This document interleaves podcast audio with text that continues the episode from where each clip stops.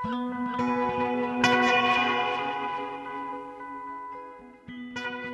og sæl, kæri hlustendur.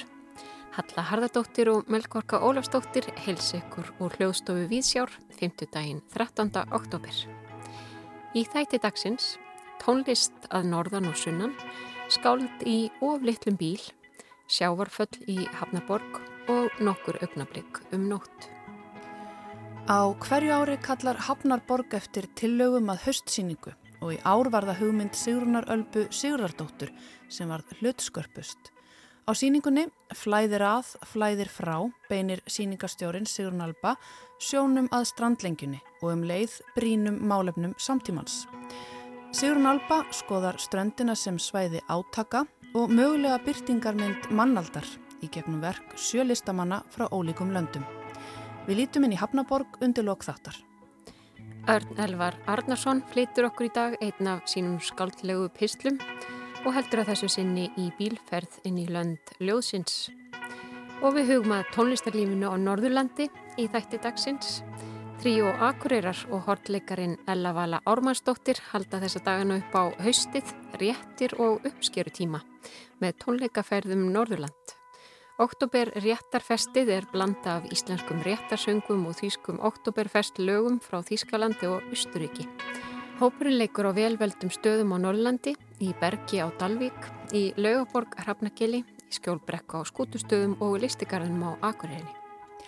Og við heyrum í Daniele Bassini, klassískum gítarleikara sem býr og starfar á Akureyri.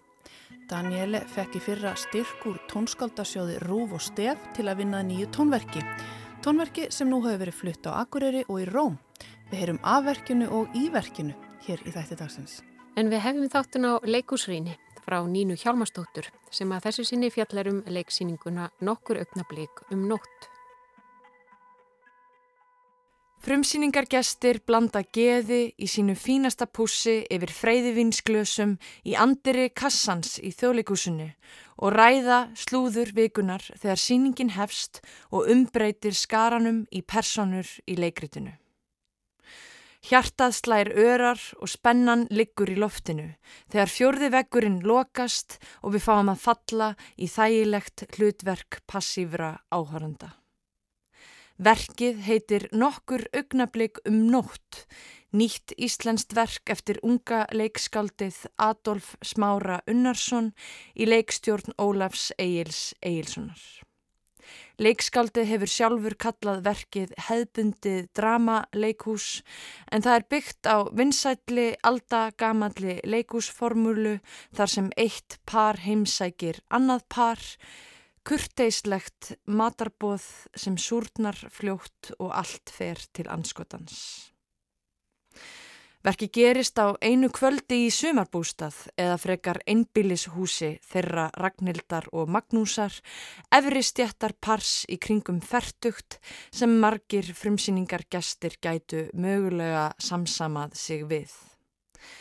Leikritið hverfist í kringum samband Ragnhildar og litlu sýstur hennar Bjarkar, en hún og kærastinn hann Óskar eru listamenn sem réttna á endum saman og dreymir um að meika það. Kjarni verksins liggur í tókstreitunni milli þessara tveggja heima, snopp elitunar og olbóabarnana sem keppast öll við að viðhalda einhverji ímynd út á við. En plakkat síningarinnar sem er sjálfa á Instagram vísar í þennan ásetning verksins. Millumerki allir góðir, millumerki fullkomið líf. Þráhyggja fyrir samþykki annara endur ómar í myndbandsvörpun Ástu Jónínu Arnarsdóttur þar sem við sjáum þá útgáfu sem sumarbústaðarferðin byrtist í á samfélagsmiðlum, hliðstæðan veruleika óskheikjunar. Leikmynd Hildar Efla Líu Unnarsdóttur spekla líka innihaldið þar sem einmanna pottaplöntur tákna skógin sem þau hafa látið planta í kringum fína sumarbústaðin og rótlausa skógin innra með þeim. Arkitektur bústaðarins er kunnuglegur, ríkra fólkshús, stór form og grófur dökkur viður sem fellur svo vel inn í landslægið. Lýsing Jóhanns Bjarnar Pálmasonar undistrykar norræna realisma verksins með köldum tónum. Hljóðmynd Arons Þórs Arnarssonar eigur á sveita stemminguna með náttúru hljóðum en tónlistin hann stóð upp úr og gerði mikið fyrir tilfinningu verksins og má þá sérstaklega nefna loka lægið. Búningar Artúrs Sorgis íta undir stjættarstöðu og samfélags hlutverk hverjar personu en það hefði þó mátt fara lengra til að skýra personurnar eins og að hafa kaftaninn hennar Ragnhildar úr dýrara efni. Það er rosa gaman hjá fjórmenningunum í fyrsta hluta verksins þar sem eldraparið dregur upp glæsimind af sínu lífi undir því yfirskinni að þau séu að kynnast nýja kærastanum hennar bjarkar. Þessar samræður draga upp safaríka mynd af íslenskri efri stjættar elitu sem keppist við að sanna virði sitt með þekkingu á jæðarlist og lítur niður á fólk eins og Óskar sem á að heita listamaður en þekkir ekki Banksy og þekkir ekki Rassa Prump. Taktíkin sem þau beita til að grafa undan sjálfstrusti Óskars er ansi kunnugleg þeim sem hafa komist í kynni við svona týpur.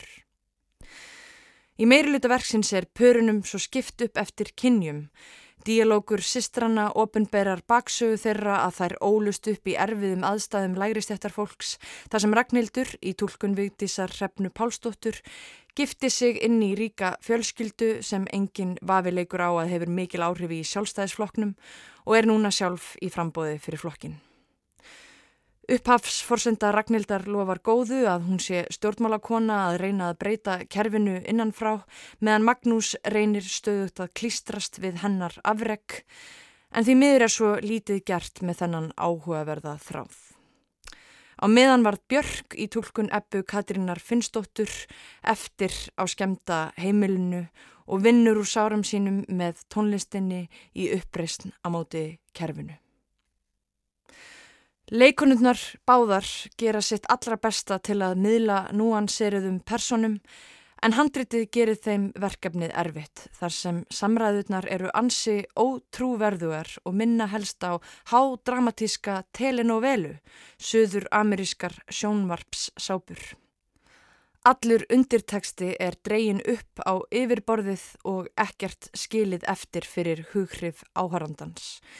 Personurnar eru innfaldaðar. Það er skilgreinast af brotinni æsku sem neyðir þær því annarkvort til að giftast til fjár eða vera í stöðugri uppreist og rifrildi. Á sama tíma fá karlpersonurnar að vera allskonar og marglega. Höfundur þekkir þær vel og hefur nostrað við þær. Björn Tórs er í hlutverki Óska Bards Garðabæjar sem hefur fengið allt upp í hendurnar og aldrei þurft að hafa fyrir neinu. En það sem gerir þessa personu svo djúsi er að hann er ekki vondur eða ofbeldisfullur. Heldur er hann þessi góði gæi sem allir kannast við. Þessi sem er svo andum að framsetja sig sem feminista. Að mann heldur með honum og þykir væntum hann frátt fyrir yfir þyrmandi forréttundablinduna. En krafturinn í personunni er ekki einungis vegna þess hversu vel skrifið hún er, heldur er Björn Tór skjörsanlega fættur í þetta hlutverk og nær vel þessu jafnvægi milli hóværðar og lúmskrar valdbeitingar. Hilmar Guðjónsson er svo í essinu sínu sem hinn lúðalegi Óskar, persona sem gengur upp þrátt verið að minna á allt of marga gauðra í íslensku menningarlífi, jæðarlistamæður, sunnudagaskóla kennari, fótboltabulla og spiritualisti. Áhörundur stóðu á öndinni af hlátri í senunum milli þeirra tvekja sem eru safaríkar og fara í djúpa rannsókn á hugssjón verksins. Hápunktinum er svo náð í lokin þegar Óskar lætur ekki vaða yfir sig lengur og afhjúpar Magnús, forrættindi hans, hræstni og uppgerð, en það er slungið að láta fábrotna lúðan vera skinsemisrödd verksins og um leið hetju áhörenda. Erindi verksins kemst sterkast til skila í uppbrotum þess og þá sérstaklega þeim sem eiga sér staði í öðru rými og afhjúpa þann samfélagshóp sem hefur aðgangað leiksýningum, afhjúpa áhörundur fyrir sjálfum sér. Eins má nefna þau fáu augnablík þar sem personunnar kúplast út úr rifrildum og dramatík og falla inn í ljóðurænt tómarum þar sem óræður teksti tógar innihaldið í nýjar áttir og er loka senan þar mjög eftirminnileg. Það væri óskandi að þessi atriði, senur sem spila með áhöröndur og myndrænar senur sem reyða sig ekki á tekstan, hefðu fengið meira pláss í verkinu. Einhver tilrun var síðan gerð til að afbyggja síninguna með því að láta sviðsmyndina byrtast á sviðinu, snúa við sviðsmyndinni og láta personur nefna þau séu í leikúsi. En þessi metatilrun virkaði ekki í annars raunsæjum heiminum og fjallum sjálfa sig. Sýningin er príðistækifæri fyrir okkur forutunda fólkið að veltast upp úr tilvist okkar í skandinaviska sársökanum þar sem við verðum þunglind af þægendum. Þar sem við erum öll alveg jafn mikið að þykjast í síndarveruleika, innan tóm og tínd í leitað viðurkenningu og þráum að tilheyra. Á málþingi þjóðleikusins var talað um að með því að endur spekla raunveruleikan erum við að staðfesta hann og þar af leiðandi valda struktúra og formgerðir hans. Njörfa hann ennþá betur niður með hverju verki. Það má því spyrja sig hvort verk eins og nokkur augnablikum nótt íti við einhverju með samfélagsspekli sínum. Hvort samsumun okkar sem getum samsamað okkur með þessum personum knýi okkur til að augra eigin raunveruleika eða hvort við tínum okkur í eigin speilmynd. Hvenar er verkað staðfesta speilin og hvenar er það að möll brjóta speilin? Svarið er ekki einfalt en umræðunar eru allavega ekki leiðilegar. Nína Hjálmarsdóttir fjallaðum leiksýninguna nokkur augnablík um nótt sem frumsýnd var í kassanum í þjóðleikúsinu um leina helgi. En þá hugum við að tónlistarlífinu Norðan heiða. Daniele Bassini er klassiskur gítarleikari frá Ítalju en sem hefur búið og starfað á Akureyri í nokkur ár. Við rættum við Daniele hér í Vísjá í fyrra þegar hann skipulaði tónleika í minningu Ennio Morricone, samlanda hans og eins ástsælasta kvikmynda tónskálds allra tíma. Nýverið áttu við svo samtal við Daniele og að þessu sinni var tilefnið nýtt tónverk eftir hans sjálfan. Verki laut styrk frá tónskaldasjóði Rúf og Stef og var frumflutt síðastlið haust sem hluti af tónleikaröðinni 12 tóna korter í listasafni Akureyrar. Og svo var það flutt í sumar í Villa Borghese höllinni í Róm og við það tækifæri var fluttningurinn tekin upp. Daniele sendi okkur upptökuna úr höllinni og sað okkur frá verkinu í stuttu símaspjalli.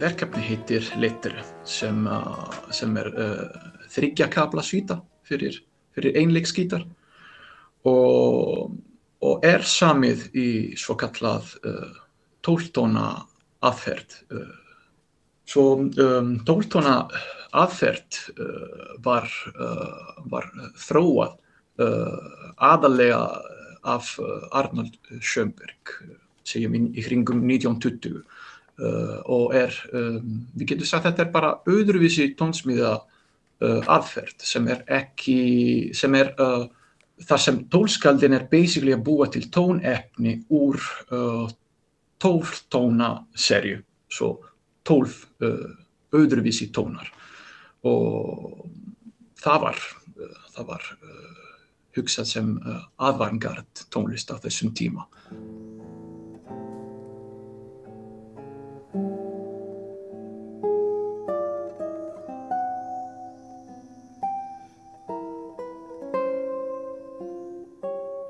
Venjulega ég er að semja í, í, í annan stil en, en þetta. En mér finnst alltaf veist, gaman að gera eitthvað eitthva nýtt eða öðruvísi.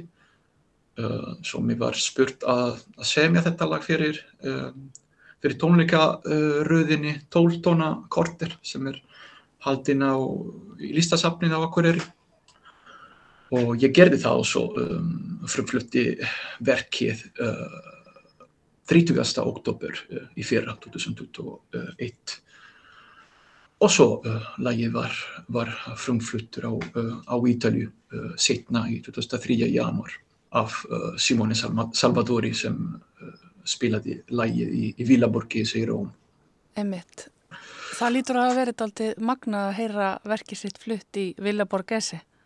Já, sko, því mýður ég var ekki á Ítalju þessum oh. tíma en ég, ég fekk upptöku en uh, það var því mýður það myndi, myndi vera æðisett að vera í Villaburgis og hlusta þessi frábær gítarleikar en uh, hann var nóg no, no, uh, snillingur að taka þetta upp fyrir mig og senda mér. Hugmyndin er eins og ég sagði um, um, svíta heitir lettere sem á ítalsku þýðir sendibref og líka bókstafur Uh, ég hugsaði um uh, uh, þrjárkaplar sem eru sem sagt skilabóði eða svona brefsending og tónefni úr hvers kapla kemur frá tóltónaröð sem er byggt á nafni vitakendans sem er eitthvað sem var gert líka þú veist gamla dagar þetta er ekki sérstaklega eitthvað nýtt kannski vinsælsti uh, dæmi gæti verið uh, úr nafnið Bach, úr, þú veist, Jón Sebastian Bach. Margir voru að semja tónlist úr nótur B, A, C, H en það eru misnumandi uh, leiðir til að búa til þú veist, tónleika röð úr nafnið einhverju, það maður á bara að vera þú veist, það er smá skapandi. Svo þetta eru uh, þrjú verk, þrjú uh, lög. Uh, eitt sem heitir Letter A eða littera sem er, þú veist, A bókstafur. Mm -hmm, og uh, er, uh, er uh, fyrsta, fyrsta lag úr þetta kapla sem er samið eftir svona strangri tóftóna aðferð og þar sem ég var líka að búa til uh, uh, svona takturinn líka er uh, radvætur, svo ég, þetta er aðeins, já. Og svo annarkapla sem heitir Momento og svo Fuga sem sagt sem uh, er lægisamið í minningu uh, Roberto Mastronardi, mitt fyrsti gítarkennari og þetta er uh, Fuga en samið úr tóltonna röð. Hvað sem ég gerði var að veist, búa til tónaröð úr nafni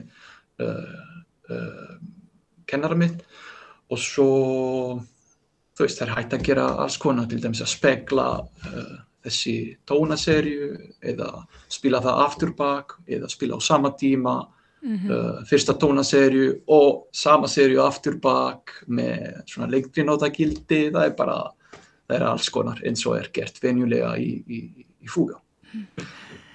Herði Danieli, takk fyrir þetta. Við uh, ætlum að setja hérna á fónin hluta úr verkinu Takk kærlega fyrir. Og við byrjum bara að helsa norður á Akureyri. Takk og svo mjög leiris. Alltaf gott veður hér. Já. Hann vist að gosti núna. Ekki alveg af gott á Ítalíu samt? Nei, það er rétt. Það never mind. Nei, en þið eru kannski alveg sama? Já, já, já. Ég er búin að fá nú sumar. Þessar í síðast já. sumar. Svo það er bara gott að vera hér.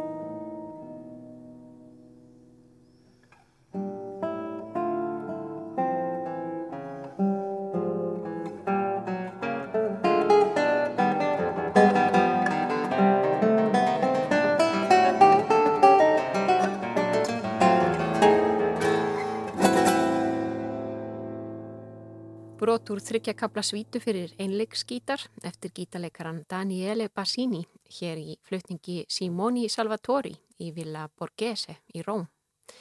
Halla rætti við Daniele um tónsmíðina sem hann samti meðal annars sem óð til síns fyrsta gítarkennara. En hugum þá að öðru, mjög ólíku tónlistarverkefni sem fer fram norðan heiða þessi dagrin.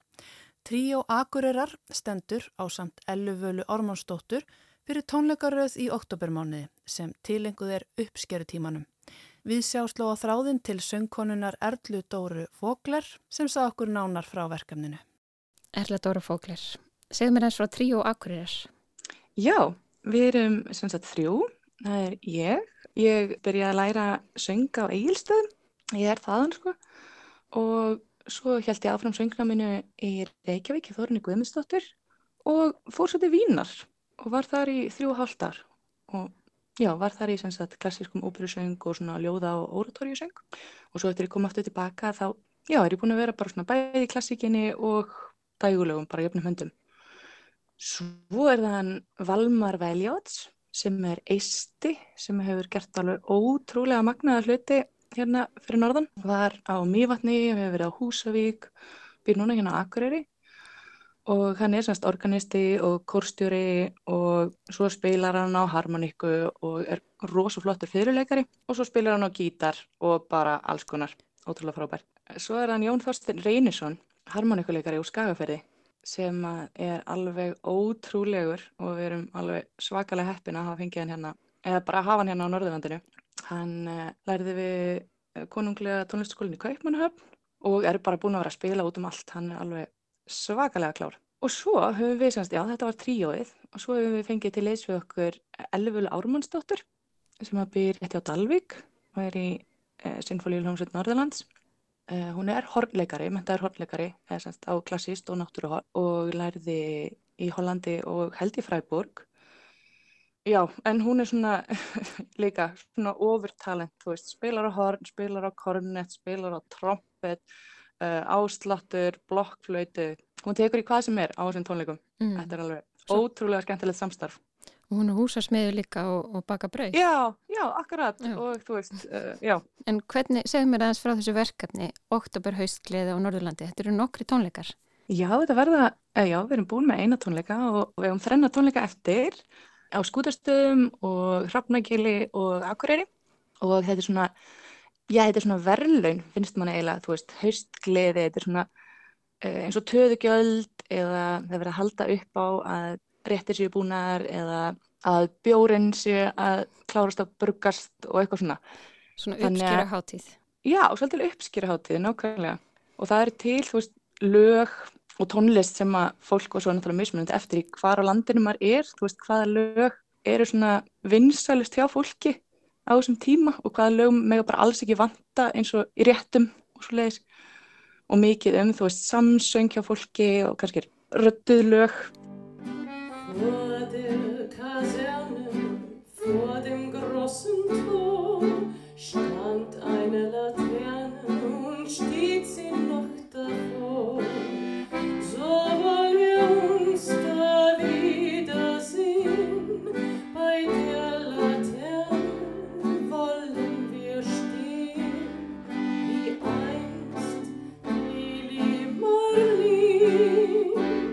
blandi saman lögum sem að tengjast íslensku réttum eða ekki og svo Oktoberfest, svona þýskum lögum eða þýskættuðum lögum. Jú, akkurat. Og okkur finnst þetta allavega mjög skemmtilegu kokteil. Þannig að þetta er svona bæri, þú veist, eitthvað sem fólk getur verið að syngja með og eitthvað sem þau hafa kannski aldrei heyrt. Eða þá að þetta eru lög sem búið íslenska, náttúrulega mjög mörg íslensk en að gæsa upp á lög eru af hérna, Erlendu Bergi brotin. Já, rosa mörg aðeins þýsk, þú veist, Marja Marja og hérna F-star, náttúrulega Stæðum og þau eru ótaljandi sem eru í rauninni þýsk og svolítið gaman að þú veist að taka þau með íslensku texta en kannski að taka eitt erindi á þú veist þýsku eða eitthvað svo leiðis og oft eru þau, þú veist, um eitthvað allt annað heldur en íslenski tekstinir. Akkurat, við erum búin að aðlaða þetta bara að okkur. En þetta var, þið gerðuð álíka í fyrra, það hefur vantilega slegið svona gegn að þið vildið endur taka það. Já, akkurat. Við skemmtum okkur ókslega vel og áhörundur líka og þetta var bara, já, stór skemmtilegt. Svo er alltaf gaman að fara í dyrndil og leitar húsin. Er enda svindlu aðeins á því. Strákanir er í svona svartum stuðböksum og með axlabönd og svona.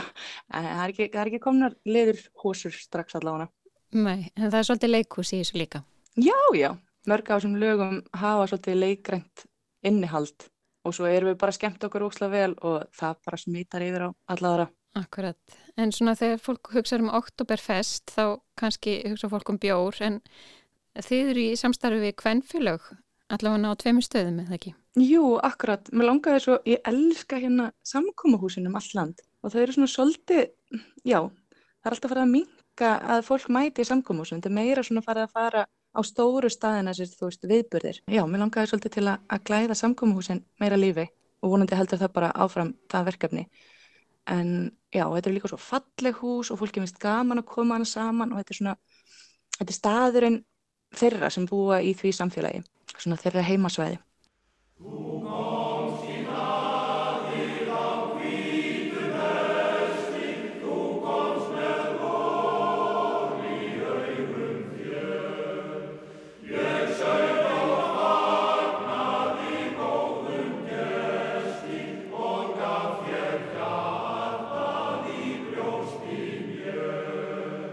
Karlakórin Stefnir söng lag við texta Daví Stefánssonar Þú komst í hlaðið.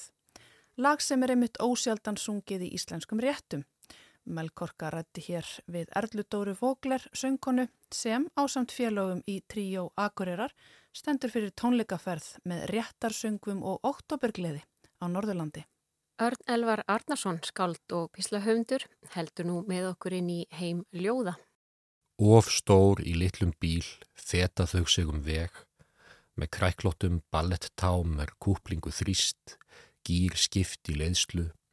Of stóri í litlum bíl ræða þau um heim ljóðsins, um stöðu februar blára augna og hvítum blöðum. Öll þessi orð sem hanga á þeim eins og rjúpur á jólunum, hanga meirar utanum háls þess sem kom til þeirra alls nakið í nótt og letið þau fram úr.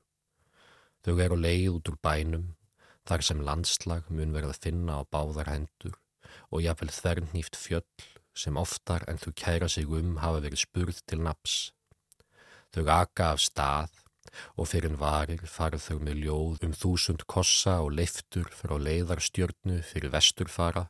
Þau farið með ljóð um gönguna löngu og um sonníu á drottningagötu 83a Of stór í litlum bíl fara þau með veggjum og fletta upp í ljóði í vasabróti um bergfléttu út í löndum.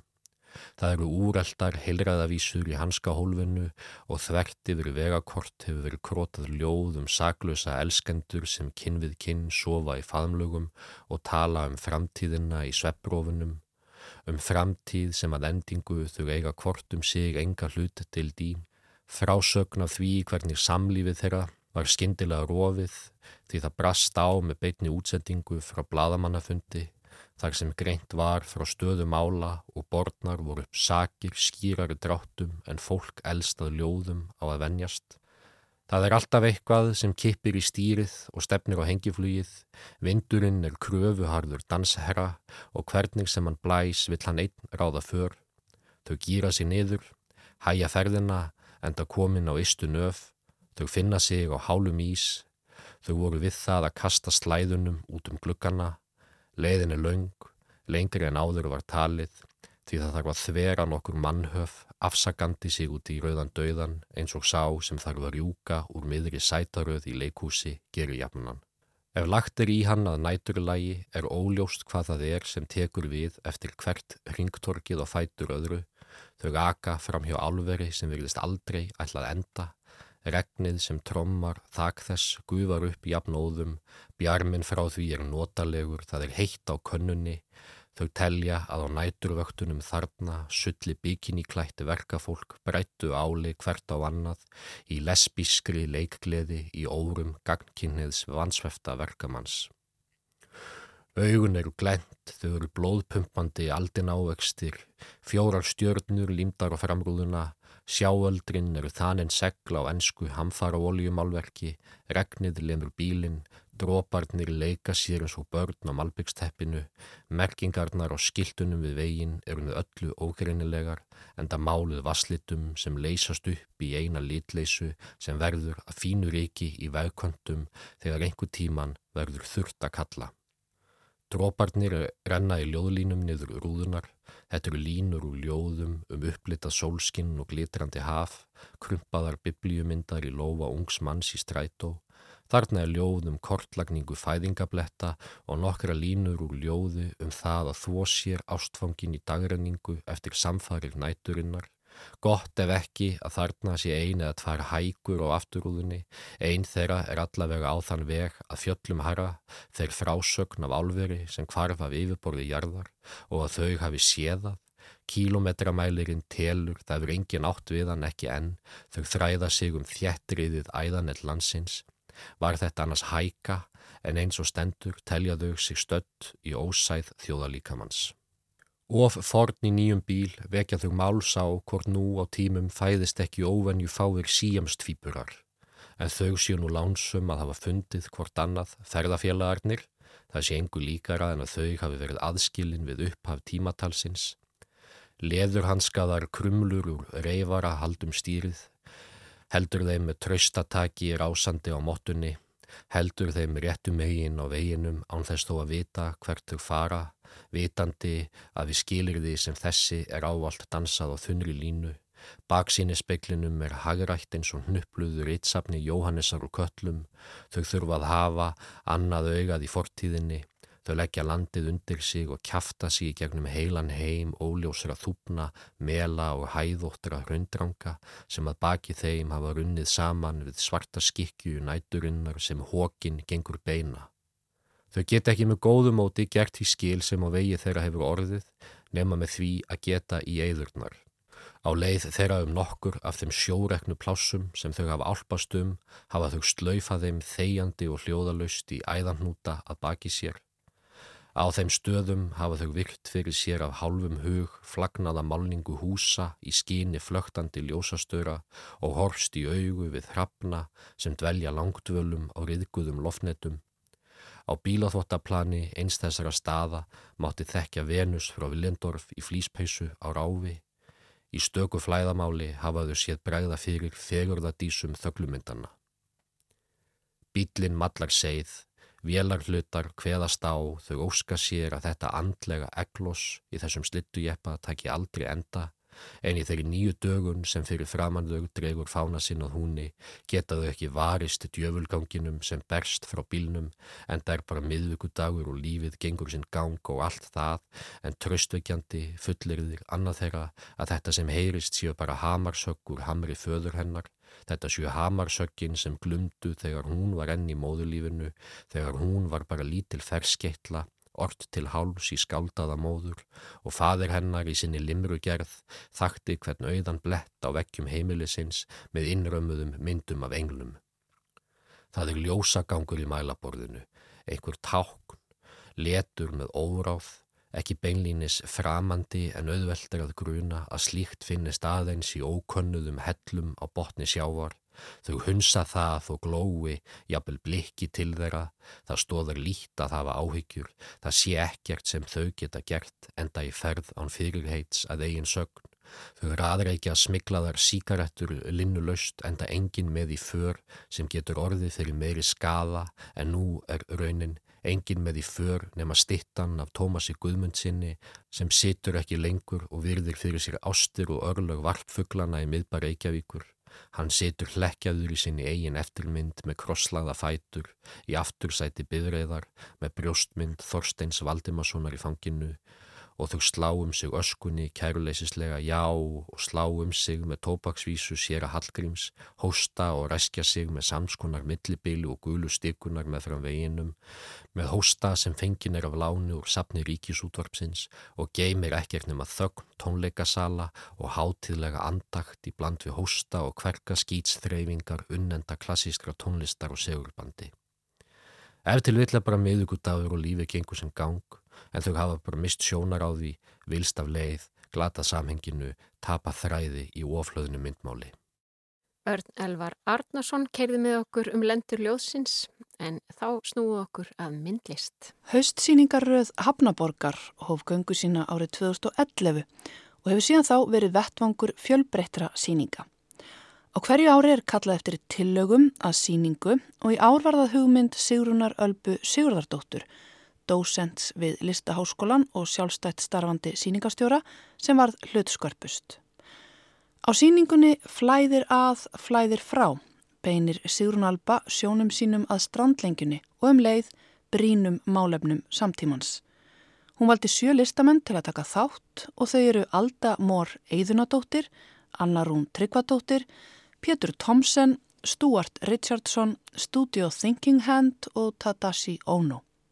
Ég heiti Sigrun Albu í Hafnaborg.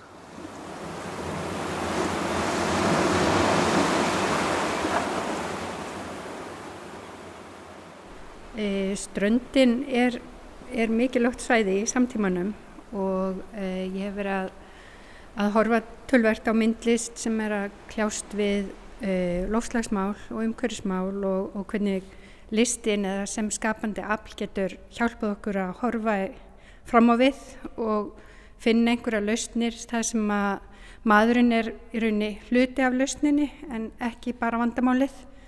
Þannig að ég fór að skoða listamenn sem hafa verið að vinna með það og, og smá saman færðist ég nær og nær ströndinni og að því að ströndin er svo mikið átakasvæði núna á tímum lofslagsbreytinga að þar eru sagt, áhrif á lífrikið svo greinilegar svo er önnulíð á því líka sem ég var mikið að hugsa með í, um í upphafi að, að lofslagsbreytingar verða líka til þess að, að fólk þarf að flýja heimkynni sín. Og uh, ströndin er sagt, líka átakasvæði uh, þegar við hugsaum um málefni flótafólks og hérna og ströndin er svo fyrir okkur sem búum á eigum, þetta er líka svona staður sem afmarkar okkur en er líka leiðin út í heim þannig að mér langar að tengja þessa þræði og skoða þá á síningunni. Mm -hmm. breytingar til dæmis á Íslandi eftir að verða áþreifanlegar bara með hækkun sjáabors á næstu hundra árum og, og þú veist, hitastík sjáar er að hækka og lífur er að, er að hverfa og aðrar að nema land en auðvitað líka eins og bendir á er ströndin staður sem við eigum mörg góða minningar um og, og hérna staður sem maður sækir í til að tengjast náttúrunni mm -hmm. og ég uppliði það til dæmis uh, mjög stert í, í hérna í heimsfaraldrinum að þú veist að fara í göngutúra með frá ströndinni og einhvern veginn horfa bara á, á byrtuna og sjónum og taka eftir hennu smáa í umhverfinu. Þannig að ströndin er líka svona tilvalinn staður til að tengjast og endurhugsa um í rauninni samband manns og náttúru. Mm -hmm. Núna stöndum við hérna í rýmið sem að það er það, þar sem eru verk eftir listahópin Studio Thinking Hand sem er sér sagt samanstendur af danska listamannunum Mikkel Bójesen uh, eh, og uh, Rótu Ting sem er frá Ástralju og ég sá síningu með þeim í, í hérna á Norðursjálandi í Danmörku uh, sumari 2020 og ég vissi eiginlega frá upphafi ég vildi fá, að, fá þau til að sína á Íslandi.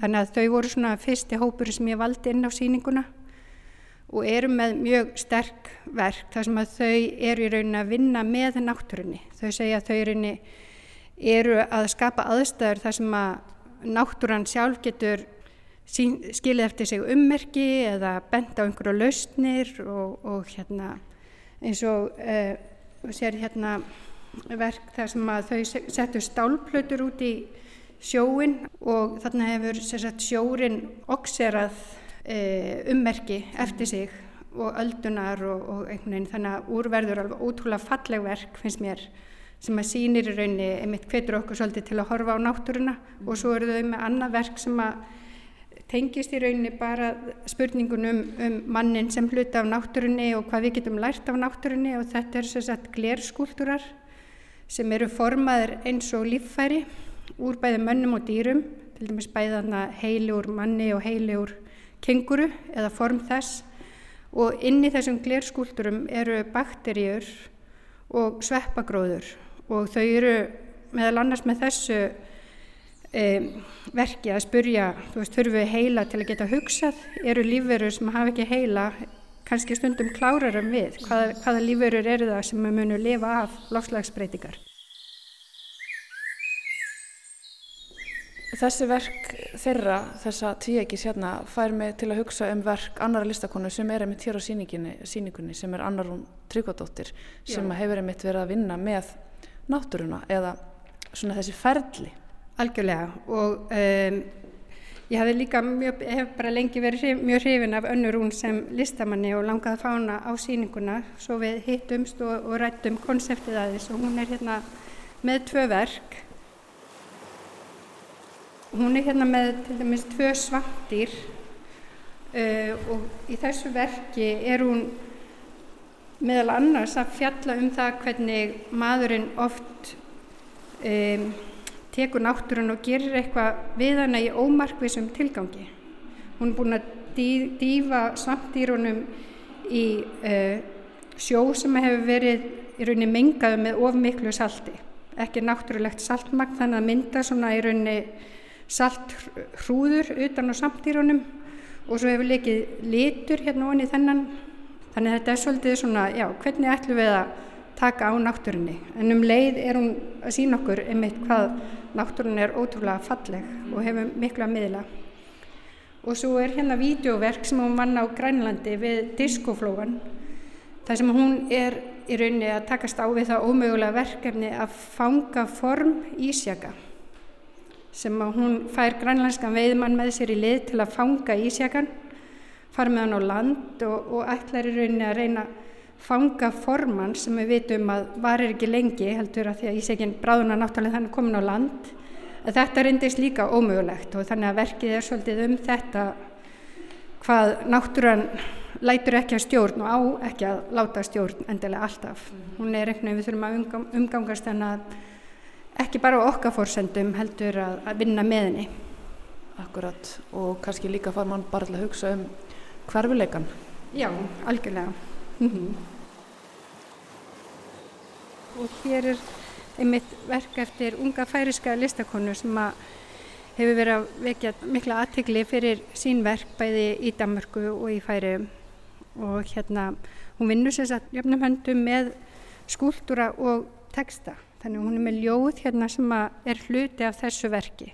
Uh, hún heitir Aldamór Eidunadóttir og er uh, nefandi við Konunglu listakademíun í Kaupmanöfn og þetta verk bjóðum til í, í hérna, fyrsta COVID faraldinum og, og hún lýsiði svo að hún hafi, hún var þá först í Kaupmanöfn og fjölskyldannar heim í færium og við þessi aðstæður þá náttúrulega var hún kvíðinn og ágjufull bæði yfir heimsfæraldinum en ekki síður yfir lofslagsmálum sagði hún og, og svo átt hún samtal við föðu sinn og, og hann bendin á að það væri ekkit aðlilegra en að vera kvíðinn við þessar aðstæður. Og hún fór að hugsa þá að, að hún fór að búi til verk þar sem hún vildi að hafa svona Fyrst ætlaði hún að búi til verk sem var eins konar múra því hún vildi loka sér inni en svo ákvaði hún að hafa það gegnsætt og, og, og hérna þannig er svolítið svona tákgrænt fyrir það hvernig tilfinningarnar flæða inn og út og heimurinn flæðir inn í okkur og út úr okkur aftur. Og, og hérna hún vinnur þetta í efni sem að tengist sjáarsíðinu og fiskiðnaði og hérna þannig eru net en reynda líka öll mm -hmm. hann er allt svona, hún sækir mikið í færiska handverkshefð og svo fjalla ljóðið um það hvernig við verðum stundum að beigja okkur undir náttúruna um leið og við reynum að halda okkur á floti. Mm -hmm. Einmitt, þetta er alveg ótrúlega fagurt á að líta Já. og hérna og þessi lífrænu efni sem verðast vera hár sumstaðar en eru kannski ekki hár en þetta er, þetta eru náttúrulega efni og allt svona óbáðslega fingjart mm -hmm. já, svona mann verður með töksaðum viðkvæmnina kannski og hverfuleikan líka hér Algjörlega, einmitt. Og, og þetta, hún er talið líka um þú veist að maður þurfi að leifa sér að vera svolítið uh, svona vulnerable, svona, já, uh, berskjaldadur, já, þannig að það er ákveð, já, verki fjalla líka um það. Já, við erum mjög gaman að fylgjast með öldu í framtíðinni.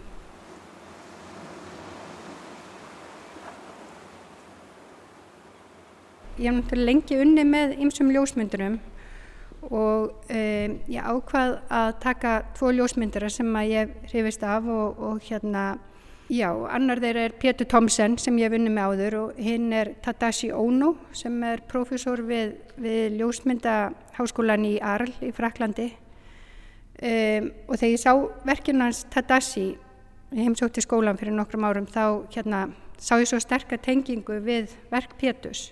Og þeir eru báðir í sínum verkum að fjalla um það í rauninni hvernig maðurinn er að brjóta náttúrunu undir sig uh, ofta villir í nöðsinn og um leið hvaða afleðingar það hefur. Ef við byrjum á Pétri þá er að er hann með verk hér sem eru uh, tekin í teikskói og dýra fyrir því, fyrir vestan, þar sem er verið að, að leggja brú yfir fjörðin. Og Pétur hefur talað um að hann skilji mjög vel þessa framkvæmdir. Er, þetta er svæði sem hann er mikið á sjálfur og skilu vel og þú veist þetta verið að það verið að bæta öryggið en það hefur alltaf einhver afleðingar og uh, hún varst ekki ásættanlegt að horfa bara á það sem að fæst heldur líka það sem tapast mikilvægið þess þannig að hann er með þessa ótrúlega fallegu næmi og ljóðrænu myndir sem að sína okkur ummerkin raski sem maðurinn er að valda um leið og hann er að, er að skapa sér svona lífanlegri aðstæður. Og Tadashi er að fást við svolítið um, stóra hluti líka í sínu verki. Og sér hérna fyrst eru fjóra litla myndir sem að sína okkur afleðingarnar af uh, jarðskjálftunum og flóðbylgjunni sem varð í norðurhluta Japans árið 2011 og hann var fenginn til að mynda afleðingar flóðbylgjunar og svo nokkrum árið síðar bara árið síðan byrjaði hann á annari sériu og þá var að byrjaði að byggja varnagarða og hann er að mynda þarna þessa varnagarða og sér hér til dæmis er mynda þorpi við ströndina. Og í þorpinu býr fólk sem hefur alltaf verið í nánu tengslu með sjóin og hérna en það búið að byggja svona gríðarlega stóra varnagarða þannig að þau eru ekki lengur í beinum tengslu við sjóin sjá ekki sjóin eins og finna kannski lyktina en það búið að taka þetta af þeim og, og hann er bæðið að, raunni þess að dokumenta hvaða áhrif þetta hefur á mannlífið en líka náttúruna mm -hmm. á sveðinu. Og hér sem sagt mótmæltu íbúaði að, að missa alveg tengslinn við sjóin og þá var þeim sem sagt voru gerðið svona tvei litli gluggar sem er samt pínu sorglegt líka einhvern veginn. Það er mikið sorglegt. Eftir, já, já. um mitt. En, það, einmitt, en þeir kallast aldrei mikið á hérna þessi tveir höfundar. Já, einmitt og þeir eru sko, þeir læriðu báðir við þannig að ljósmyndaháskólan í Arl þannig að það, maður sé svona það er ákveðin áferð sem að, sem að einkennir verk begja. Já, þessi ljóðræni svona vittnisspurður um mannöldina bara. Já, í raunni og svo svona, einmitt það er svona þrátt fyrir að þetta sé opaslega fallega myndir og og líka sorglegar þegar maður fyrir að rýna í þær að þá er líka eitthvað svo, það eru svona viðkvæmar, maður verður öll smáadriður svo sínileg og, og hérna dreyn fram þannig að maður verður svolítið svona svo er svolítið inn í þau. En þetta orð sem þú notar hérna viðkvæmar, þetta er eiginlega orð sem maður mætti kannski nota um flest verkin hérna inni fyrst mér.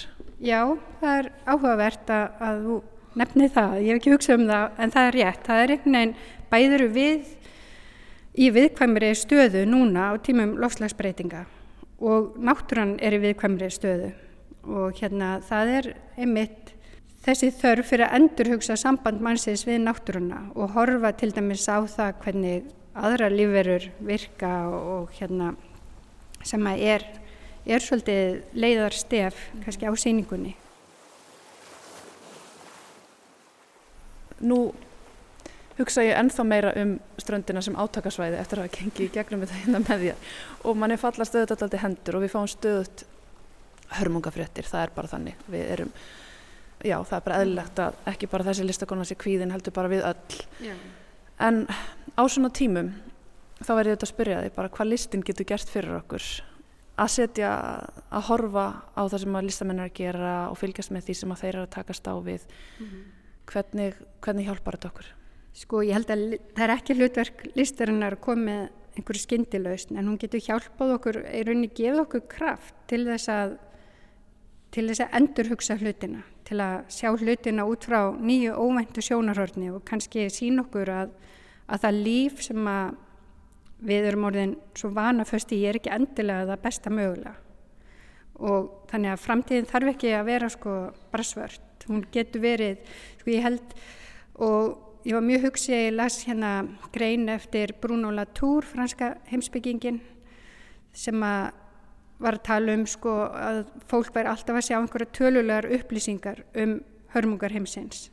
Og þetta lamaði fólk og hann sagði þú veist einmitt hvað getur listin gert, getur hún hjálpað okkur að hugsa og skapandi hátt um framtíðina? Og það held ég að sé, sé rétt. Og bara það að þú veist það von mín að þeir sem komu á síninguna e, fari raunni bara meta kannski samband okkur við náttúruna en meira en áður og, og í þessu tilviki ströndina sérstaklega veist, og það er að því að ströndin það er ekkert sjálfgefið á ströndinni í dag.